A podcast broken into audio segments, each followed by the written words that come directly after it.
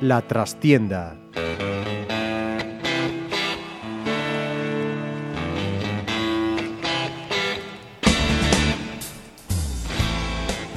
Saludos amigos, os habla Ramiro Espiño en nombre de todo el equipo. Comenzamos una nueva edición de La Trastienda en Pontevedra Viva Radio desde nuestros estudios en la calle Michelena de Pontevedra.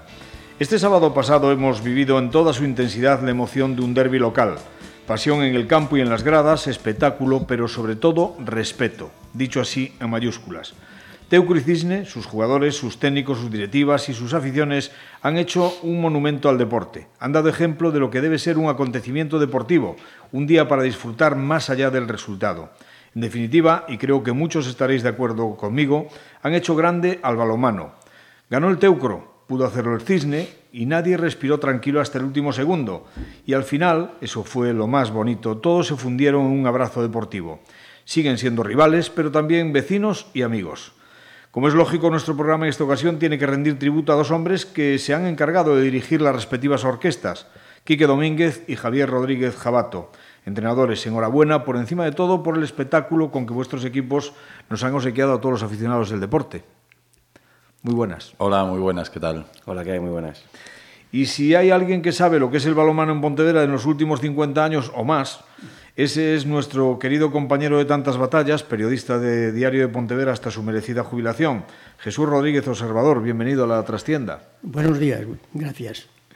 Bueno, pues no sé vosotros, pero yo las sensaciones que he sacado, me imagino que más contento aquí que por aquello de que los, se ha quedado con los puntos, además de todo esto, pero yo me quedo de verdad con, con lo que se ha vivido en general en el pabellón, ¿no?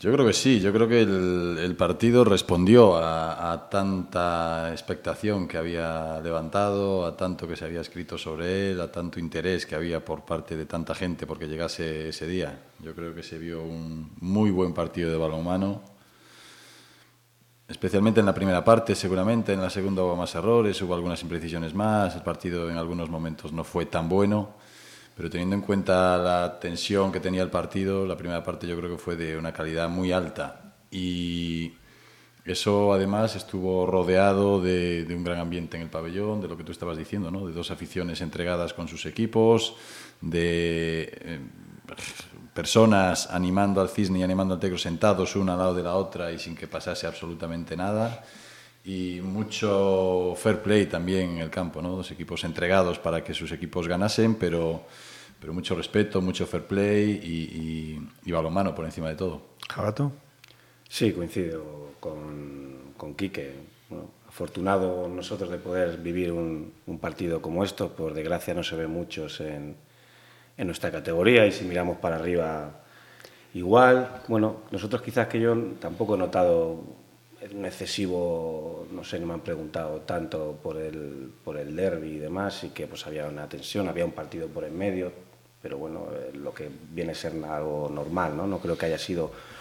No, no, no hemos estado yo situados en el foco mediático, por así decirlo, entonces, bueno, tampoco ha habido en ese sentido, ahí no, no estoy uh, de acuerdo con lo que dice Quique, o por lo menos nosotros no lo hemos vivido un poco así, pero, pero bueno, sí, sí por todo lo demás, una vez que, que empezó el partido, lo que se vio en la pista, eh, los dos equipos se vaciaron, eh, ellos estuvieron pues mucho más acertados o un poquito más acertados en la, en la parte final y pues al final eso desniveló la balanza.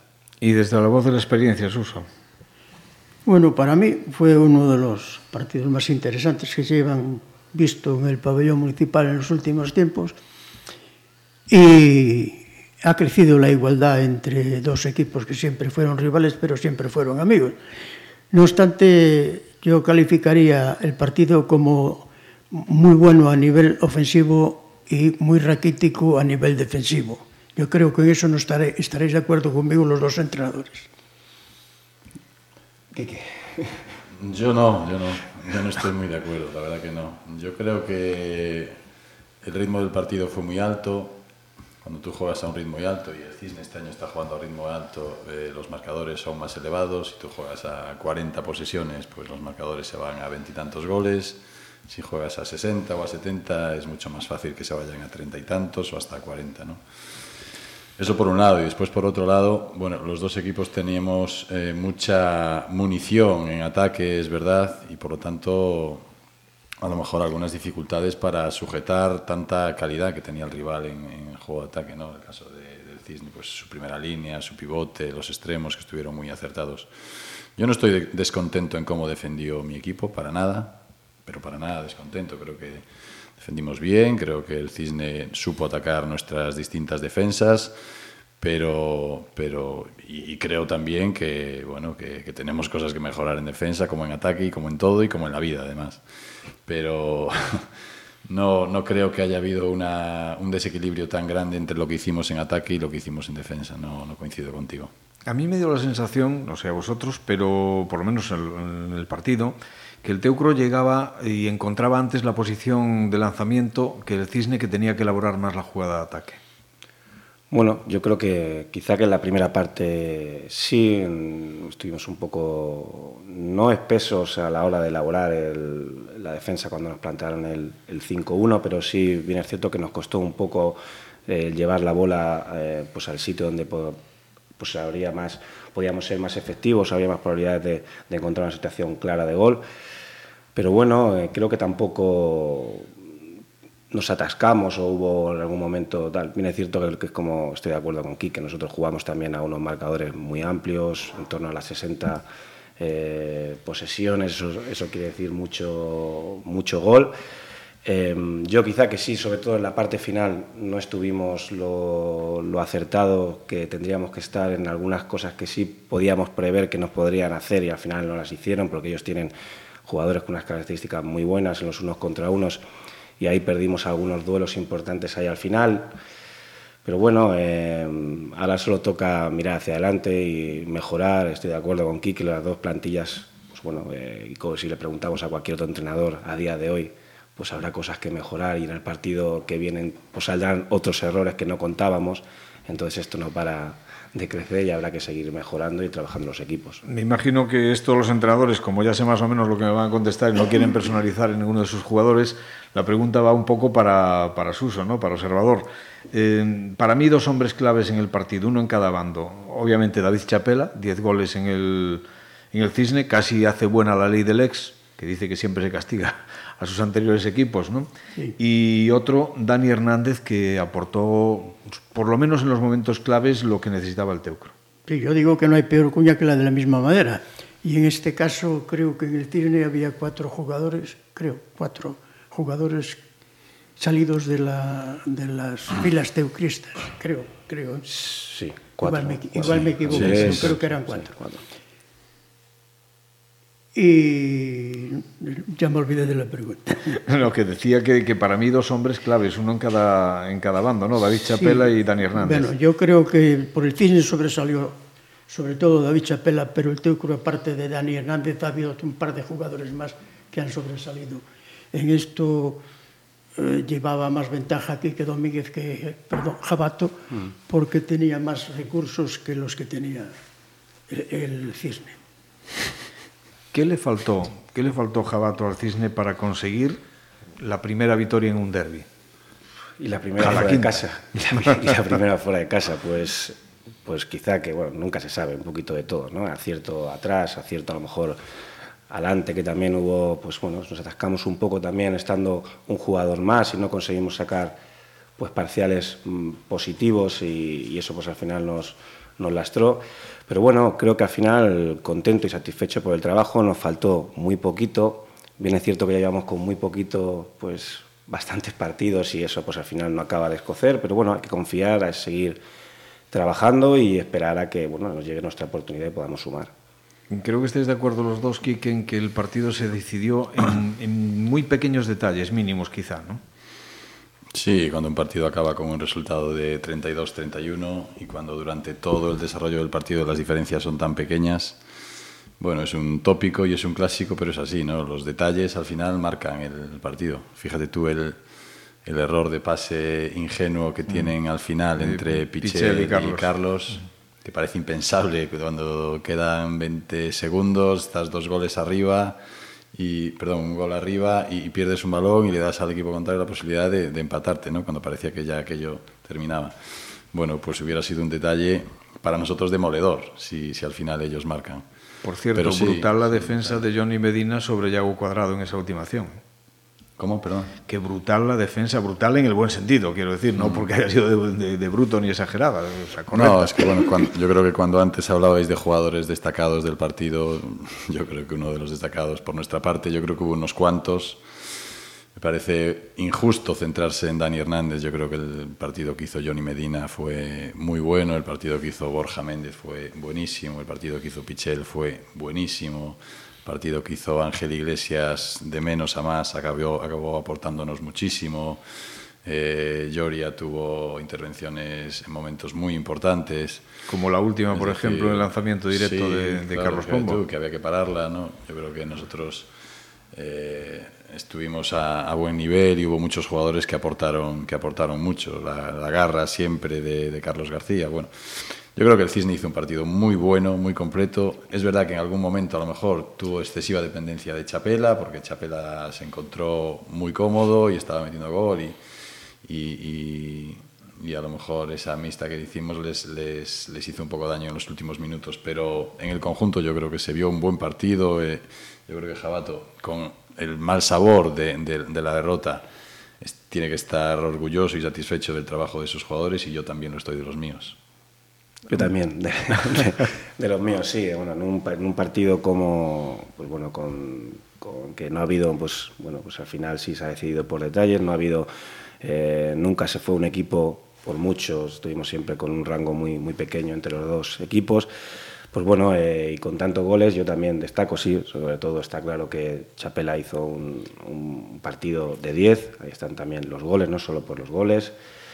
Pero bueno, también tengo otros jugadores. Yo podía descatar, de, destacar a, a, muchísimos también de los míos, en cuanto pues, actitud defensiva, Conde, Miguel, en cuanto al ataque también, Guille o Chan. Bueno, pues al final eh, satisfecho por eso, ¿no? de que sumen. Hemos estado cerca, no lo hemos conseguido, pero bueno, habrá que buscar otras, otras situaciones. Yo creo que es un partido para que Teucro piense que evidentemente puede estar arriba y puede ganar a cualquiera y que el Cisne también se lo crea, ¿no? porque si ha podido competir de esta manera está claro que con otros rivales de, de la categoría puede hacerlo incluso mejor. ¿no? Nosotros no lo, no lo creíamos, eh, respetando eh, pues, eh, al Teucro y sabiendo que son un gran, un gran equipo. Nosotros no lo creíamos. Bueno, eh, al fin y al cabo lo de ser un gran equipo, supuestamente ir de favorito o no favorito, eso no, no, deja de ser una etiqueta, ¿no? Luego hay que demostrarlo en la pista y, y yo creo que tenemos un muy buen equipo. A veces que también, es un peligro, ¿no? Bueno, el cargar sí. con el cartel de favorito, digo yo. Bueno, eh, esto al final es quién lleva, quién lleva el cartel, ¿no? Eh, estos son cosas que se dan antes del partido y que viene mucho por el tema de periodistas y demás, pero bueno, al fin y al cabo... Sí, que somos malos. Sí. Uno más que otro, dicen, ¿no? Pero bueno, no, que sí, simplemente es eso, ¿no? Eh, pues aceptar el papel o no de, de favorito, en este caso lo era el Teucro por plantilla, por historia, por, por aficionados, porque jugaba en casa pero bueno, eso no quiere decir que nosotros no podamos pelear el partido y lo podamos ganar. Y yo creo, no sé a vosotros qué os ha parecido, a lo mejor tenéis alguna queja, pero a mí desde fuera, desde luego, eh, para que la jornada fuese redonda, Suso, me ha parecido un sensacional arbitraje. Teniendo, sí. teniendo en cuenta la tensión del partido, la intensidad, o sea, lo mucho que había por decir. Evidentemente hubo errores, está claro. Sí, tuvo mucho que arbitrar y creo que salieron airosos del, del, trabajo, del trabajo porque estos partidos tienen unas connotaciones especiales y en los derbis, a un poco a, al hilo de lo que se acaba de decir, en los derbis nunca hay favoritos. De hecho, yo en la columna de este, de este prepartido lo decía claramente, que en esta ocasión podía pasar cualquier cosa, porque vení, a mí me vino al recuerdo el partido que jugasteis de la Copa Xunta de Galicia, me parece que fue, que fue casi un calco parecido al de, este, al de esta vez con menos goles e menos espectacular quizá porque estaba en pretemporada, pero fue un calco del que se vio el sábado. Y porque sábado. jugamos en un galpón. es que a veces organizan cada, cada bolo por ahí adelante. Aquello era un horno, aquello era un horno. Sí. Es que una cosa es querer difundir el balonmano y otra cosa es llevarlo a escenarios que, que, que, no son de recibo, ¿no? evidentemente. Eso fue lo que pasó un poco con la, con la final de la Copa Galicia. Pero bueno, eh, volviendo un poquito al, a, a, lo que es el, el derby, ¿no? Los dos habéis jugado un poquito al gato y al ratón. Con sí. lo de las atas abiertas, las alineaciones, que si iba a entrar un jugador o no, Edu Moledo que de repente aparece ahí inscrito, Carlos Gerard que no estaba pero estaba por si acaso, eh, el Cisne un poco lo mismo, que si pongo a Fabián que si no lo pongo, no sé. Bueno, hemos jugado a lo que nos deja, lo que nos deja el reglamento y a, y a jugar ese factor ahí también un poco de, sí, de sorpresa. En el caso, yo te cuento cómo fue lo de Edu Moledo. En el entrenamiento del jueves yo yo con Edu Moledo no contaba ni esta semana, ni la que viene, ni seguramente hasta dentro de 15 días. Y en el entrenamiento del jueves, yo le veo que está allí haciendo algunos ejercicios con una pelota pequeña y tal. Y le pregunto, Edu, ¿qué, qué tal? Y dice, ah, me duele, pero bueno, por lo menos ya la puedo coger y tal. Y digo, coño, entonces estás para el sábado. Y dice, pues por ganas no será, por ganas no será.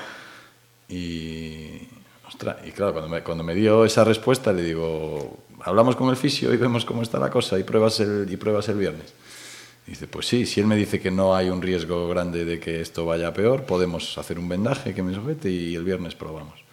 Y efectivamente, el viernes probó, tenía dolor, tenía molestias, pero podía lanzar y podía coger el balón. Y dijimos, bueno, pues el sábado calientas y según cómo te vayas encontrando, pues también vemos si tienes que jugar, también después cómo vaya el partido. Y esa fue la razón también de que la convocatoria quedara abierta, porque hasta entonces estaba entrando Aarón, chaval del equipo de Nacional, y, y entonces quedaron Aaron y Gerhard fuera. No fue tanto un querer jugar ahí al factor sorpresa, sino que yo mismo me encontré con que Edu de repente, bueno, era una baza, y si estaba para ayudar un rato, pues, oye, vamos a... Y lo que no hicimos fue, claro, anunciarlo. lo reservamos para el momento. Por, por, si acaso escondiendo cartas, que es lo que decía, como sí, lo del sí. esloveno ese que tiene el cisne últimamente, ¿no?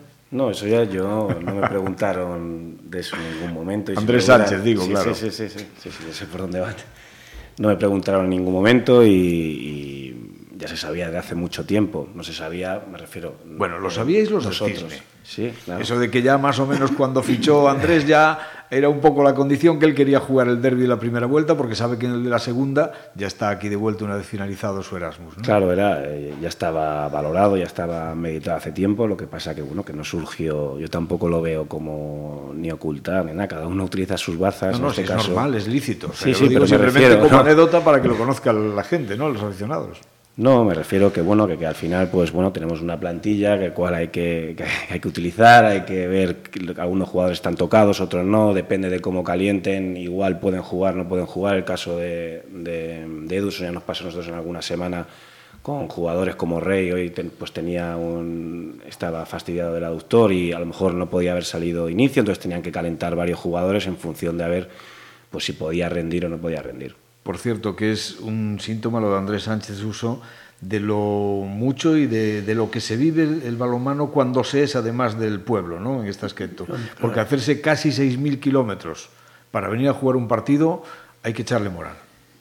Hombre, yo supongo que las ganas que tendría el chaval de jugar este partido fueron superiores a, la, a los inconvenientes con los que se podía encontrar. Eso le habrá pasado a él como le ha pasado a otros en otras ocasiones. Yo recuerdo que cuando viajaba con el Teco por, el mundo, por esos mundos de Dios, que fueron muchos años, recoger en más de una ocasión a, a Chan, el león que estaba haciendo el servicio militar, y, y, y llevarlo y traerlo y, y, alguno más, y ir a buscar a un tal Espina ahí al cuartel de Campolongo para llevarlo de viaje también. O sea que cuando se tienen ganas de jugar, cuando se tiene ansias y ganas de jugar esta, esta clase de partidos, se hacen los sacrificios que haga falta. Por cierto, que no quería, aunque hemos pasado a otro tema, no, no, quería dejar en el aire el conocer vuestra impresión, porque cuando, cuando yo hablé con Suse le dije lo del arbitraje, que a mí me había parecido un buen arbitraje, los dos pusisteis así una cara como medio de no estar muy de acuerdo. No, no. A mí, a mí la, la, parte que más me gustó del arbitraje fue que fue un partido duro, donde las defensas estuvieron duras, hubo contactos fuertes y permitieron bastante ese contacto. ¿no? No, no, no, fue el clásico arbitraje que, que sabiendo que era un partido de, de, rivalidad y que seguramente desde el principio el nivel defensivo iba a estar muy alto, a la primera de cambio empezaron a, empiezan a amonestar o a excluir para marcar la raya y para que no se les vaya de las manos. No, yo creo que esa fue la parte que más me gustó. Después, evidentemente, tuvieron errores, tuvieron aciertos.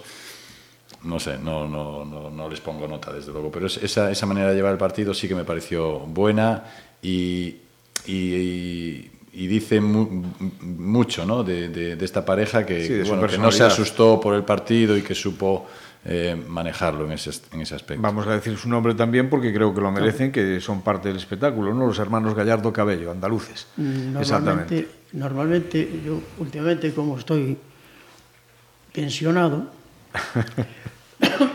soy un jubilado jubiloso, normalmente veo mucho balomano, ¿no? balomano porque tengo, ya tengo montado el tinglado en casa y veo mucho balomano. Y para mí el arbitraje estuvo casi a la altura del nivel europeo, porque en Europa dejan jugar bastante más de lo que dejan jugar en la Liga Española.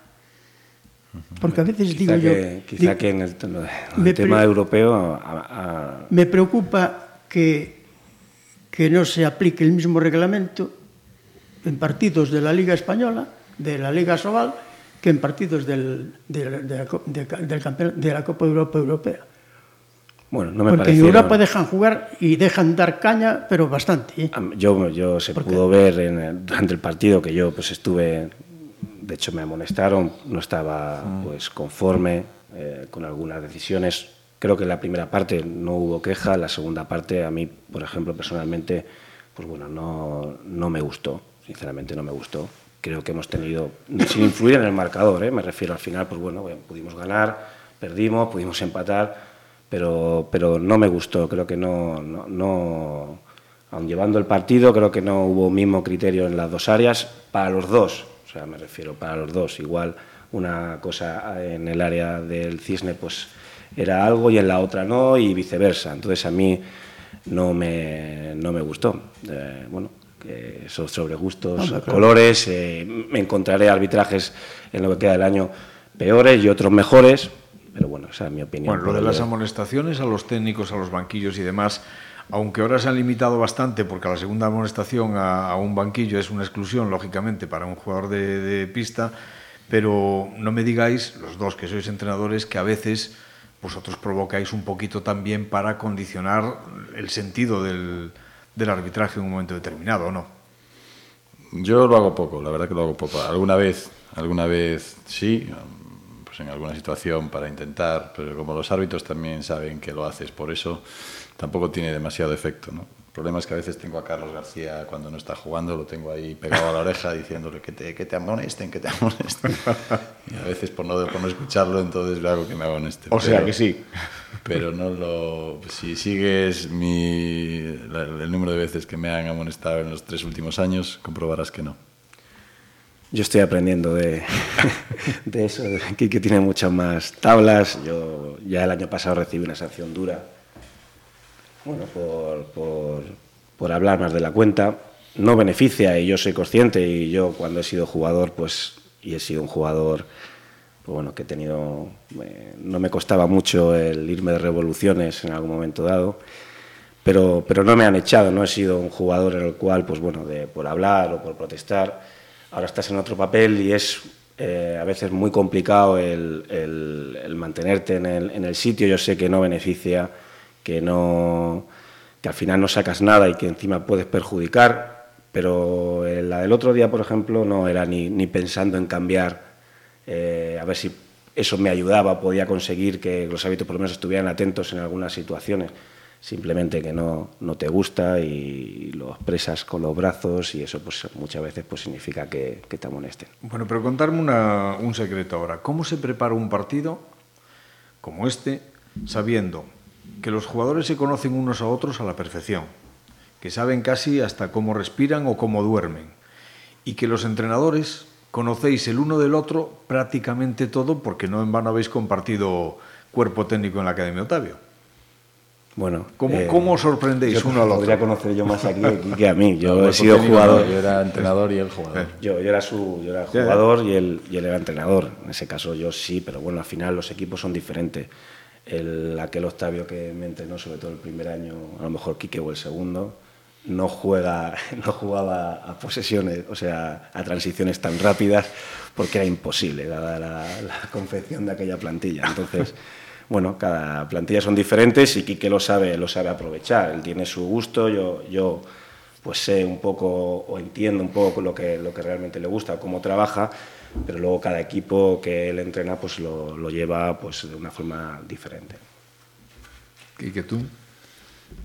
Yo creo que se preparan con normalidad, con normalidad. Y más en este caso que teníamos los dos, los dos equipos Copa del Rey por el medio y por lo tanto pocos días. En nuestro caso jugamos el miércoles contra el Sinfín. El jueves fue una sesión de recuperación y de, y de una pequeña charla y el partido lo preparamos el viernes. O sea que con normalidad, eh, viendo los puntos fuertes del rival, intentando destacar también algún punto débil y recordando las cosas que a nosotros nos podían ir bien para, para, para afrontar ese partido. No hicimos nada especial, no hubo cosas muy distintas. ¿no? Yo, viendo todo lo que había alrededor en la ciudad, viendo todo lo que se escribía, todo lo que se decía, todo lo que eh, había, tratamos de mantenernos lo más al margen posible de eso y, centrarnos. Yo, desde luego, sí. Yo, desde luego, sí. De los jugadores, cuando no están conmigo, no sé muy bien, ¿no? Pero, pero yo, desde luego, sí. Yo llegué al partido muy tranquilo, muy centrado y, y, y tengo que decir que me esperaba más ambiente también. Me esperaba un pabellón con más ambiente. Yo viendo todo lo que se había hablado y todo lo que todo el mundo quería ver el partido, había un buen ambiente, es verdad, había gente del Cisne, gente del Teucro, pero yo me esperaba mucho más. Según en datos propios sentido- del Teucro, 1.800 personas. bueno, pues yo me esperaba 2.500, como mínimo. No sé, me esperaba más, sinceramente, me esperaba más. Yo vi mucha grada vacía. Evidentemente firmábamos que todos los partidos fueran así, pero en este caso, ¿no? Estando las dos aficiones allí tan, tan representadas, creo que faltó bueno, un poco más de un poco más de público. Igual fue el precio de las entradas y todas estas cosas influyen, ¿no? Puede También ser. puede ser.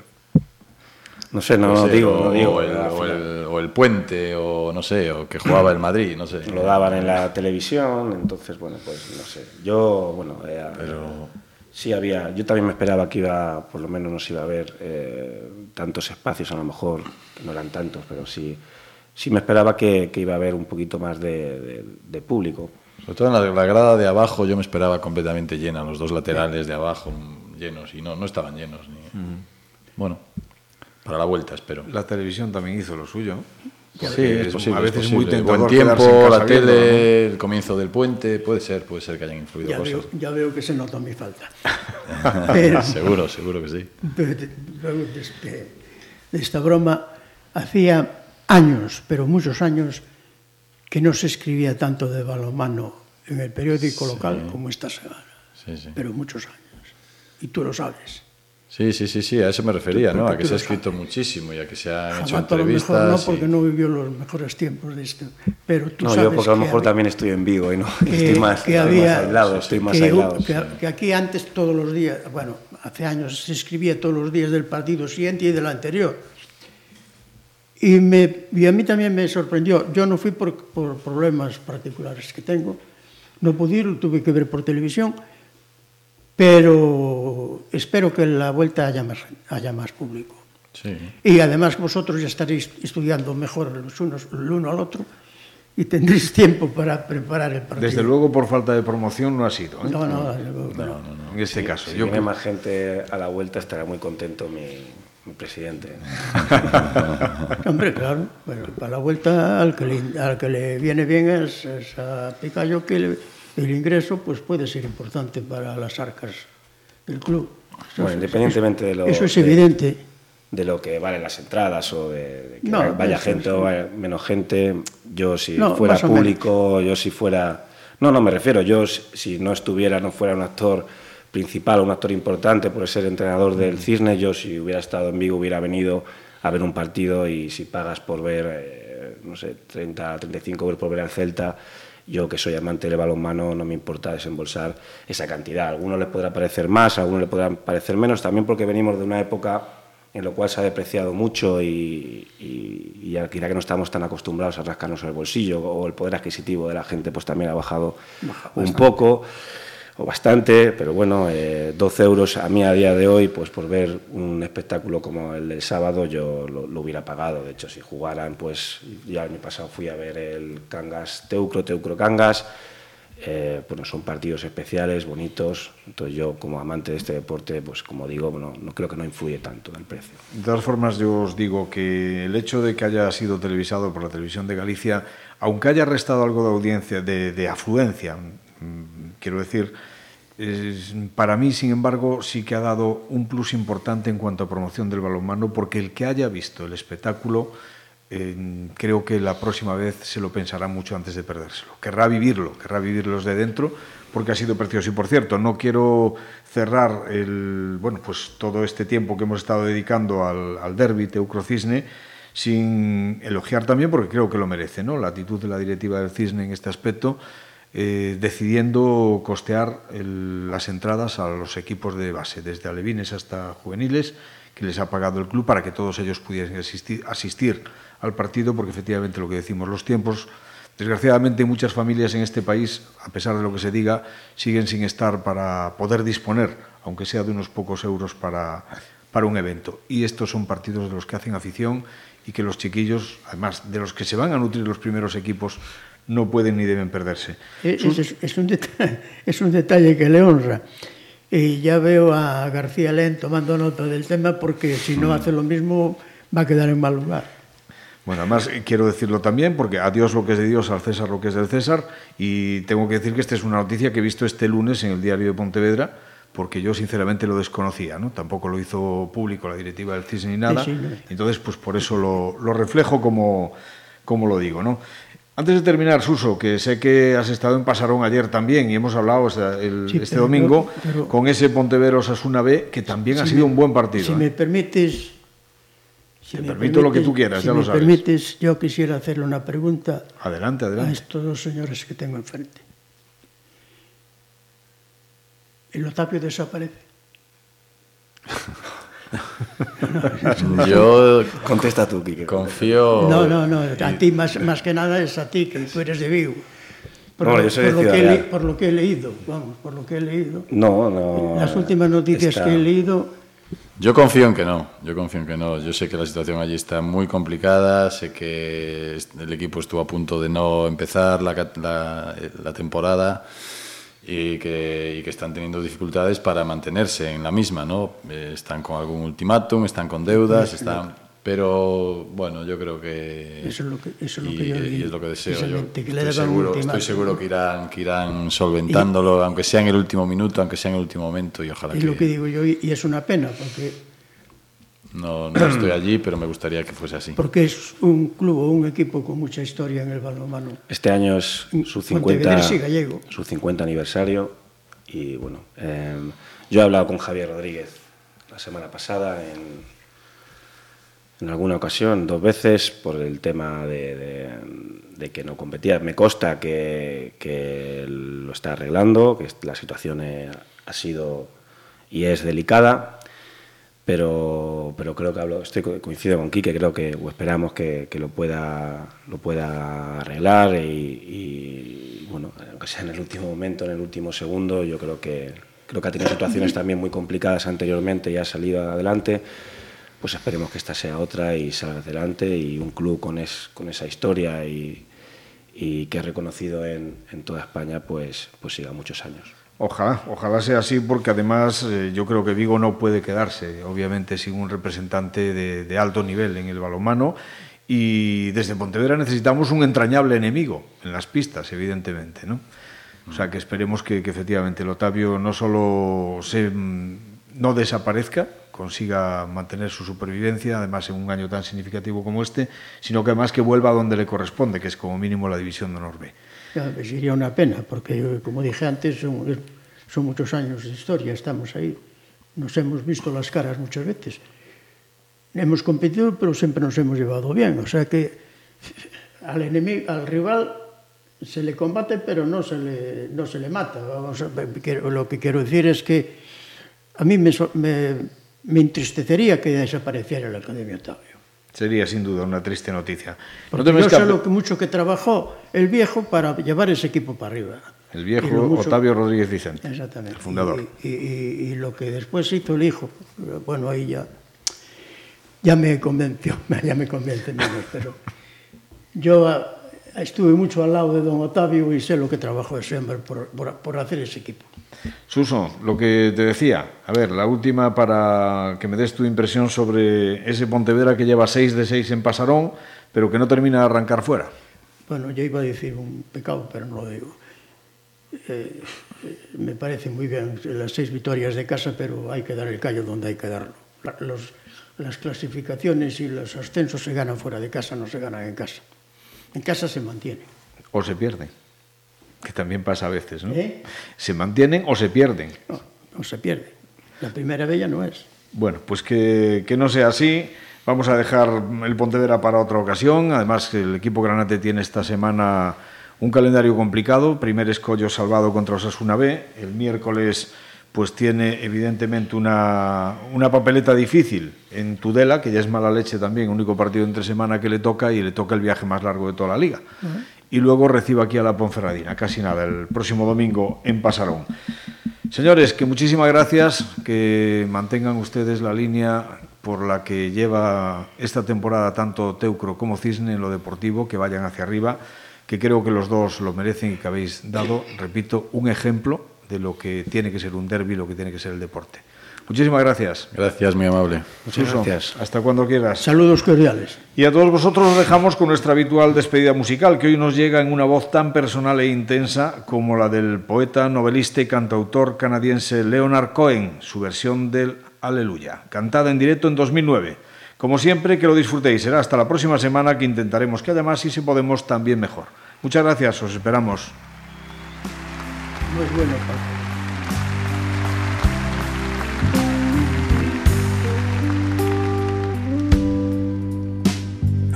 heard there was a secret chord that David played and it pleased the Lord.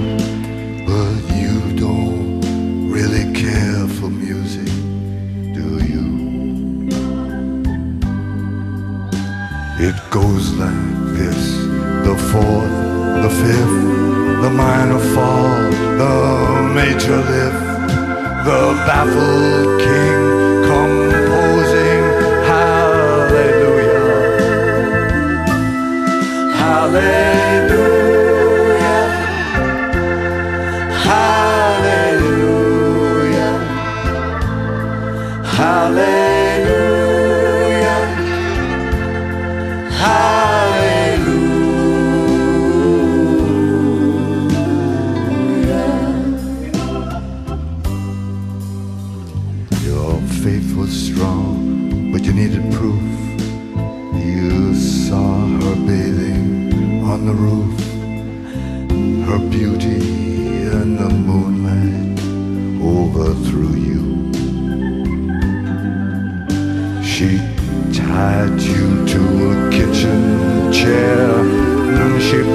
your throne and she cut your hair.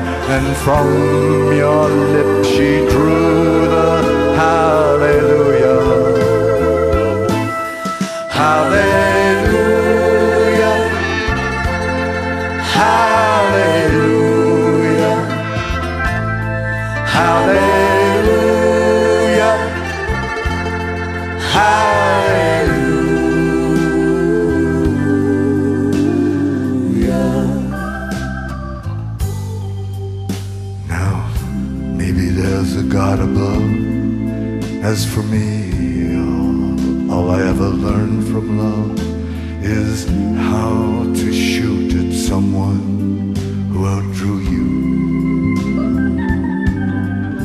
But it's not a cry that you hear tonight. It's not some pilgrim who claims to have seen the light. No, it's a cold and it's a very broken